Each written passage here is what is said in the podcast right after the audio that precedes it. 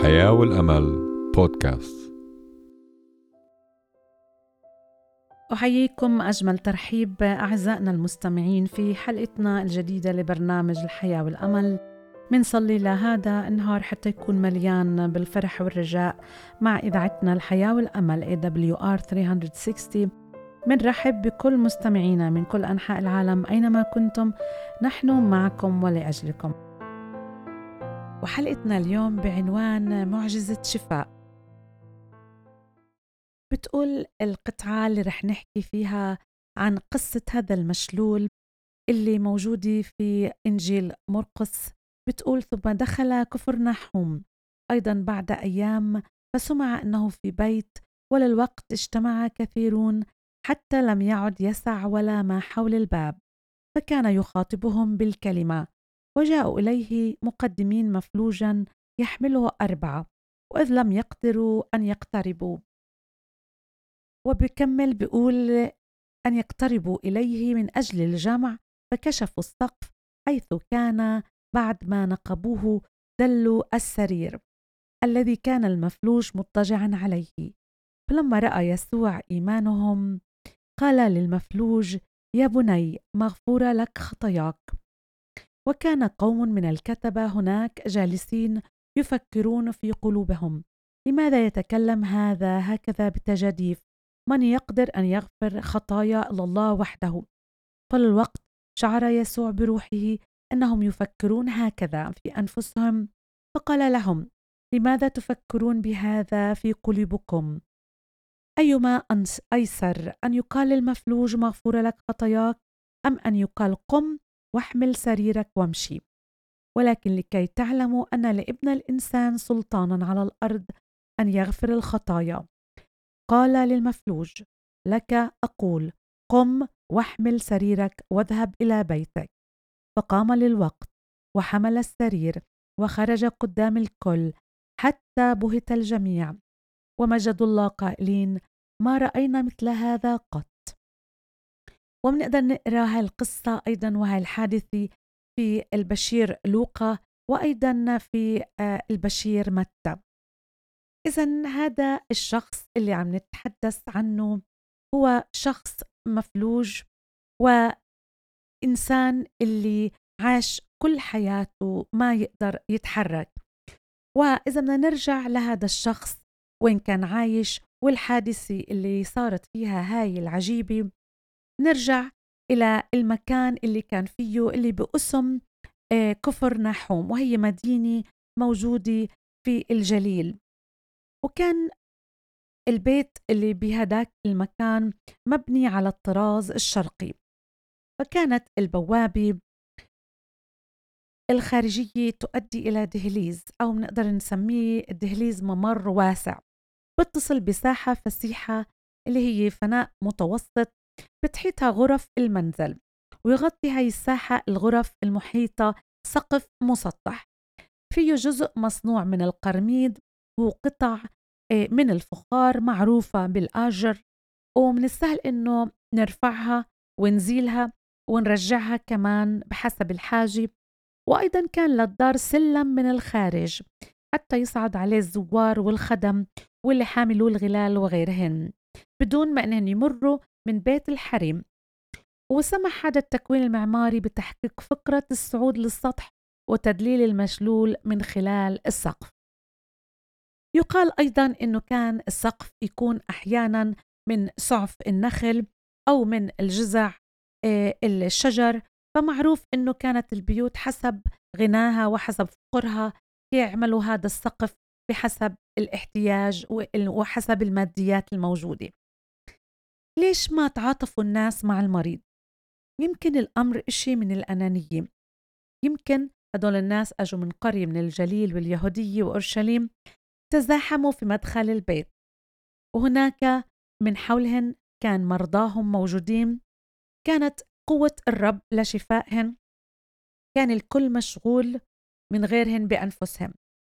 على الجانب الآخر ما كان الناس يتعاطفوا لهذا المشلول يمكن لأنه كان مشلول وموجود هناك أو بسطعتي وكانوا يحتقروه أو يمكن عشان كانوا يآمنوا إنه المرض هو عقاب للشر وكانوا يفكروا إنه هذا المشلول بيستحق هذا العقاب إنه يكون مشلول لأنه قلبه شرير أو أمه وأبوه كانوا خطاة وأشرار وعشان هيك هني نقلوا هذا هذا المرض إله أو هاي الخطية إله فمعلمين اليهود كانوا يقولوا لا ألم بدون إثم ولا يشفى مريض من مرضه ما لم تغفر خطايا فهذه العقيدة الخاطئة كانت أثر سيء إذ كان المريض يتحمل فوق ألامه وأيضا يتحمل الازدراء من الناس وعدم التعاطف. إذا أعزائنا خلينا نيجي مع بعض على إيمان هدول الرجال اللي حملوا المفلوج ونقارن الإيمان اللي كان عند الناس ورجال الدين الموجودين هناك في البيت.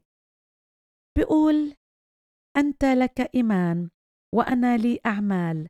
أرني إيمانك بدون أعمالك وأنا أريك بأعمالي إيماني. وهي الكلمات مكتوبة في الرسالة إلى يعقوب إصحاح الثاني والآية 18 إذا الإيمان هو عنصر مهم في علاقتنا مع الله. الإيمان مش مجرد أمر بنحكي فيه وموضوع الحديث ولكن هو أمر اللي لازم نعيشه ونعمله في حياتنا. اللي ما بيعيش الإيمان فببساطة هو مش مؤمن واللي يمكن منشوف متدين ويمكن حافظ الكلمة وبيراجع وبيقول وبيعلم ولكن ما بيعمل بحسب إيمانه الأعمال الحسنة إذا ما في هناك إيمان. وعشان هيك الرسالة إلى يعقوب بتقول أرني إيمانك بدون أعمالك وأنا أريك بأعمالي إيماني. إذا الأعمال بتأرجي الإيمان اللي في الإنسان. فلا يمكن لإنسان في الوجود يقول إنه مؤمن وهو ما بجسد هذا الإيمان في أعماله تصرفاته وأسلوب حياته اليومية. فلا يمكن تصديق من يقول أن الإيمان في القلب فقط. فالمؤمن بيعيش إيمانه في النور. نقرأ في قصة شفاء المفلوج في مرقس إنجيل مرقس والإصحاح الثاني والآية خمسة. بقول فلما رأى يسوع إيمانهم رأى الرب يسوع إيمان الرجال الأربعة اللي حملوا هذا المفلوج واللي بثير هذا الكلام اعتراض بعض الناس اللي بيقولوا إنه الإيمان أمر لا يمكن أن يشاهد. فالإيمان شيء معنوي روحي لا يرى بالعين المجردة. ولا أي إنسان بقدر يشوف هذا الإيمان. ما بيشوفه بشكل مادي ولا حتى بيشوف وجوده فعليا. وعشان هيك بقول الكتاب الرب يسوع رأى إيمان الرجال الأربعة اللي أحضروا إليه المفروج الرب يسوع أكيد بيعرف قلوب الناس فهو شاف إيمانهن. وأيضا أعمالهن بإن جابوا هذا المفلوج. الناس اللي حواليه شافوا هذا الإيمان أيضا ويسوع شافه أيضا. فبنقرأ في القصة إنه الرب يسوع دخل لأحد البيوت. وهناك لحقته الناس وفي غضون عدة دقائق البيت امتلأ بالحضور. حتى باب البيت صار مكتظ بالناس. ما بعد في استطاعت حدا يدخل أو يفوت. وبس وبسبب هذا كله الجموع اقتربت أكثر وأكثر حتى تشاهد يسوع رب المجد. تسمعه وأيضا تأخذ مرضاها معهن حتى يسوع يشفيها وهناك تقول الحادثة أو القصة إنه أربعة رجال حاملين إنسان مصاب بالشلل الكامل. أخذوه وحملوه وهدول أكيد زي ما منلاحظ في القصة إنه أقرباء أو يمكن أصدقاء له اللي بهداك الوقت أكيد ما كانوا عندهم الأخبار زي ما عندنا اليوم ولكن كانوا يوصلوا الأخبار لبعضنا البعض. فأكيد سمعوا عن يسوع المسيح وعن شفائه لبعض الناس فهني وصلوا الخبر لهذا المفلوج. وكم فرحوا هذا المفلوج إنه يروح لعند يسوع. ولكن هدول الأصدقاء منشوف ومنقرأ حوالي أو خلف الستور إنهن أحبوه أو هن كانوا قريبين إله أو فكروا فيه أكثر ما فكروا بأنفسهم بأنهم يحملوا لعند يسوع. أكيد كان المتعذر يدخل من الباب لأنه لما يسوع وصل وكان في هذا البيت كان مزدحم. كانوا متلهفين يجوا لعند يسوع ويحملوا صديقهم المشلول. أرادوا يدخلوا البيت بأي وسيلة ممكنة. وبتقول الآية أربعة لم يقدروا أن يقتربوا إليه من أجل الجمع. إذا الوضع كان بائس وما في مكان يقدروا يفوتوه ولا في أي طرف من هذا البيت يقدروا يدخلوا لعند يسوع. والفرصة كانت غير متاحة إلهن. يسوع كان موجود في هذا البيت وزي ما قلنا كان البيت مزدحم. هني آمنوا إنه يسوع قادر يشفي. آمنوا بكل قلبهن بقوة الرب يسوع على الشفاء. آمنوا بعظمته ومجده وسلطانه على الأرض. ولكن ما قدروا يوصلوا مع صديقهن ليسوع. أكيد صديقهن المشلول ما رح يقدر يمشي ويفوت ولا بيقدروا حتى إنهم يفوتوا بوسط هذا الزحام حاملينه لعند يسوع. وعشان هيك فكروا كيف بيقدروا يوصلوا هذا المفلوج لعند يسوع صديقهن اللي بحبوه وبأي ثمن أرادوا إنهن يعملوا هذا الأمر بأنه يوصل هو لعند يسوع ويتم شفاؤه فالبيوت في هداك الوقت في هداك المكان كانت بأسطح مستوية. وشفنا البيوت وتحدثنا سابقا عن هاي البيوت اللي كانت موجودة في وقت المسيح يسوع. اللي يسوع كان يروح ويزور هاي الناس ويقعد في هاي البيوت. هذا البيت اللي كان فيه كان سطحه مستوي زي باقي البيوت. البيت كان يستخدم للراحة. إيه، كانوا يضعوا فيه يجففوا الغسيل يجمعوا مياه الأمطار. وكانوا يناموا في الليالي الشديدة الحرارة وأيام الجفاف بهاي البيوت. فبنائها كان كامل ومعمول لفترة إيه، فصول السنة حتى يقدروا يكونوا هناك مرتاحين في هذا البيت. فمنشوف ومنقرأ في سفر الملوك في العهد القديم إيليا كان يسكن في علية مبنية على السطح لبيت أرملة من صرفة. ومنقرأ أيضا في أعمال الرسل في العهد الجديد في إصحاح عشرة والآية تسعة. صعد بطرس على السطح ليصلي نحو الساعة السادسة. إذا بطرس الرسول صعد إلى السطح البيت اللي كان يقيم في يافا حتى يصلي. وأيضا في أيام الرب يسوع الحفريات اللي كتبت إلنا واللي معروفة إنه البيوت كانت تبنى من الحجارة. والسقف زي ما قلنا سابقا كان ينعمل إما من آه، أغصان الشجر آه، وكان يرتبوا الجذوع على مسافات متقاربة أو من الأرميد اللي كانت يقدروا إنهن يقيموا آه، حجارة الأرميد أو يقدروا يقيموها ويعاودوا يرجعوها. فكل بيت كان بحسب فقره وغناه. وكان يسدوا فراغات السطح في الجذوع والأغصان بوساطة الطين المخلوط بالقش وقطع صغيرة من الخشب وأوراق الشجر الجافة. زي ما قلنا كان من السهولة إنه يزيلوا هذا النوع من السقف ويعاودوا يرجعوه. هدول الرجال الأربعة لما طلعوا مع هذا المشلول على الدرج اللي بوصل للسطح أزالوا الجزء من هناك اللي كان يغطي السطح. وهناك أنزلوا المفلوج إلى داخل البيت من هاي الفتحة من السقف. وهناك إحنا منوقف في هذا المشهد اللي كله غرابي. منشوف الجرأة والبطولة في نفس الوقت. في نفس الوقت بنشوف الإيمان والحكمة والثبات لهدول الرجال. هدول الرجال أرادوا يوصلوا صديقهم المشلول للشخص يسوع المسيح. أكيد سمعوا وعرفوا إنه هو قادر على الشفاء وعرفوا إنه هو المعجزات فقط عنده. سمعوا عن تعاليمه عن محبته عن رحمته عن خلاصه وشاهدوا على الأقل يمكن مرة أو مرات من عجائبه للشفاء لكثير من الناس.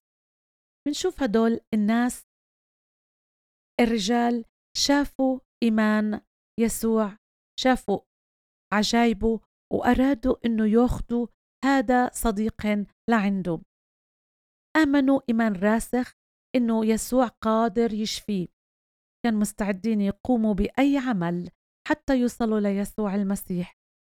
بهالقصة ما منعرف بخلال قراءتنا من هاي القصة اللي مدونة إلنا في النصوص الكتابية إذا البيت كان عايش فيه الرب يسوع في من خلال خدمته في كفرنحوم أو كان بيت بطرس أو يمكن أحد التلاميذ أيضا. مش معروف بالضبط هذا البيت لمين كان. ولكن المعروف أنه يسوع تجمع مع الناس اللي كانوا في هذا البيت وهني أجوا وكشفوا السقف. يمكن اعتادوا هني يعملوا هاي الشغلة في بيوتهن. وكل جرأة ما همهن هذا بيت لغيرهن إنه يفتحوا فتحة كبيرة ويصلوا ليسوع بهاي الطريقة. فدلوا الرجل المشلول والمؤكد كانوا مستعدين يدخلوا حتى من بجدال مع هدول الناس ومع صاحب البيت وما يهمهن أي أمر بإنهن يكشفوا السطح ويوصلوا صديقهن لعند يسوع. ولكن منشوف بهاي القصة كشفوا السقف وأنزلوا المفلوج بالحبال لداخل البيت وهيك بهدوء وسلام برهنوا إيمانهن محبتهن لصديقهن وبنفس الوقت وصلوا ليسوع حتى يشفيه. ما في أي إنسان اعترضهن ولا أي إنسان اتضايق منهن قدموا لعند يسوع. كانوا أبطال في جرأتهن وإيمانهن وثقتهن بشخص الرب يسوع. كانوا على استعداد لكشف سقف البيت وأكيد قاموا بإصلاح إيش عملوا بالآخر ولكن المهم يوصلوا لعند يسوع. آمنوا بكل كلمة قالها الرب يسوع عن نفسه. آمنوا بقدرته على الشفاء للتمام. نقدر نقول هدول الرجال جسدوا إيمانهن بشخص الرب يسوع بطريقة عملية واضحة.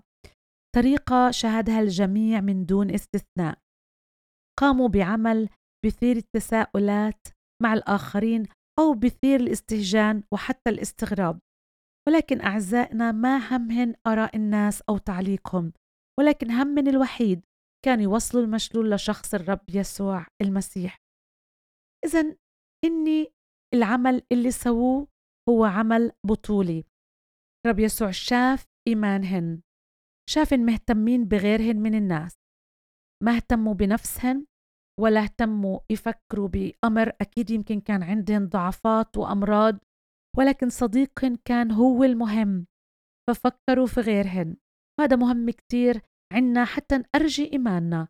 وإذا إحنا مؤمنين في المسيح نعمل على إنه نأرجي إيماننا نفكر في غيرنا قبل نفسنا الإيمان الحقيقي بشخص الرب يسوع بخلينا نحب الناس نهتم بالآخرين بخلينا نعيش لأجل الآخرين مش بس مش بس لأجل نفسنا إحنا.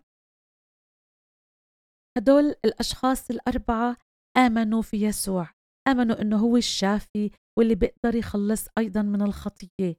جابوا صديقين لعنده. وفكروا فقط فيه اليوم. أنت تقدر تيجي وتقول ليسوع أنا سمعت عنك وشفت كتير أشياء في حياتي وفي حياة الآخرين أنت عم تعملها. أنا بدي آمن بشخصك أنت المخلص يسوع المسيح. هدول الأربعة ما اهتموا بإيش الناس رح تقول ولكن أدركوا وعرفوا إنه المخلص يسوع هو اللي قادر على الشفاء. أدركوا إنه إيش بدهم يعملوا مع صديقهن؟ هو أهم من أي أمر تاني. الرب يسوع جسد المحبة وأرجانا المحبة والمحبة كانت واقعية في حياة الناس الكثيرين اللي تقابلت معه. بيقول الكتاب المقدس زي ما إحنا قرأنا في يعقوب 2 ما المنفعة يا إخوتي إن قال أحد أن له إيمان ولكن ليس له أعمال. هل يقدر الإيمان أن يخلصه؟ إن كان أخ وأخت عريانين ومعتازين للقوت اليومي فقال لهما أحدكم امضيا بسلام استدفئا واشبعا ولكن لم تعطهما حاجات الجسد. فما المنفعة حقا من الإيمان دون أعمال؟ إنه إيمان ميت أي ليس بإيمان على الإطلاق. ولكن أعزائنا مساعدة الناس والاهتمام بحاجاتهن مثل ما عملوا هدول الأربعة. هو لدليل ببرهن إيمانهن الحقيقي الحي في يسوع المسيح. فالدروس اللي نتعلمها من هدول الأصدقاء الأربعة المؤمنين إنه هاي المعجزة هي صورة رائعة لشخص نال الشفاء بسبب إيمان أصدقائه. هن كانوا مؤمنين وتحملوا المشقة عرفوا المسيح وآمنوا فيه وصدقوا فهدول الأصدقاء هن خير الأصدقاء وهن أجوا وأعطوا من وقت ومن كل أمر ما عندهن خلينا نيجي إحنا بإيمان. لما بسقط صديق نيجي نحمله ونساعده ونعينه. وناحية تاني خلينا نفكر بغيرنا قبل أنفسنا. خلينا لما منآمن في المسيح وبنتبع المسيح نفكر بآخرين ونحاول نصلي لكثيرين اللي محتاجين إلنا. إيمان هدول الرجال خلوا هذا المفلوج ينشفى ويقوم. أكيد الرب يسوع شاف إيمان أيضا هذا المفلوج اللي كان سببه محبة هدول الأربعة الأصدقاء إله اليوم منصلي إنه كلياتنا نتعلم من هدول الأصدقاء الأربعة اللي كان مهمهن صديقهن. همهن إنه أعمالهن تظهر بإيمانهن لأنه كانوا مؤمنين في يسوع المسيح. وصلنا لنهاية حلقتنا لبرنامج الحياة والأمل وحلقتنا اليوم كانت بعنوان السامري الصالح. كنت معكم أنا إيمان في الإعداد والتقديم من وراء الميكروفون بنشكر حسن استماعكم ومتابعتكم معنا. بنذكركم أنه بتقدروا تتواصلوا معنا في أي وقت. في أي سؤال واستفسار.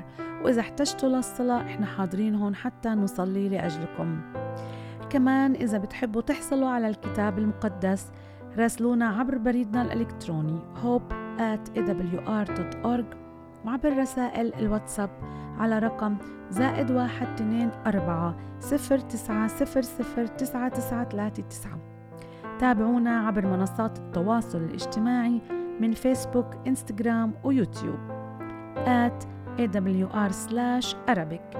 والبث الحي المباشر لإذاعة صوت الحياة والأمل.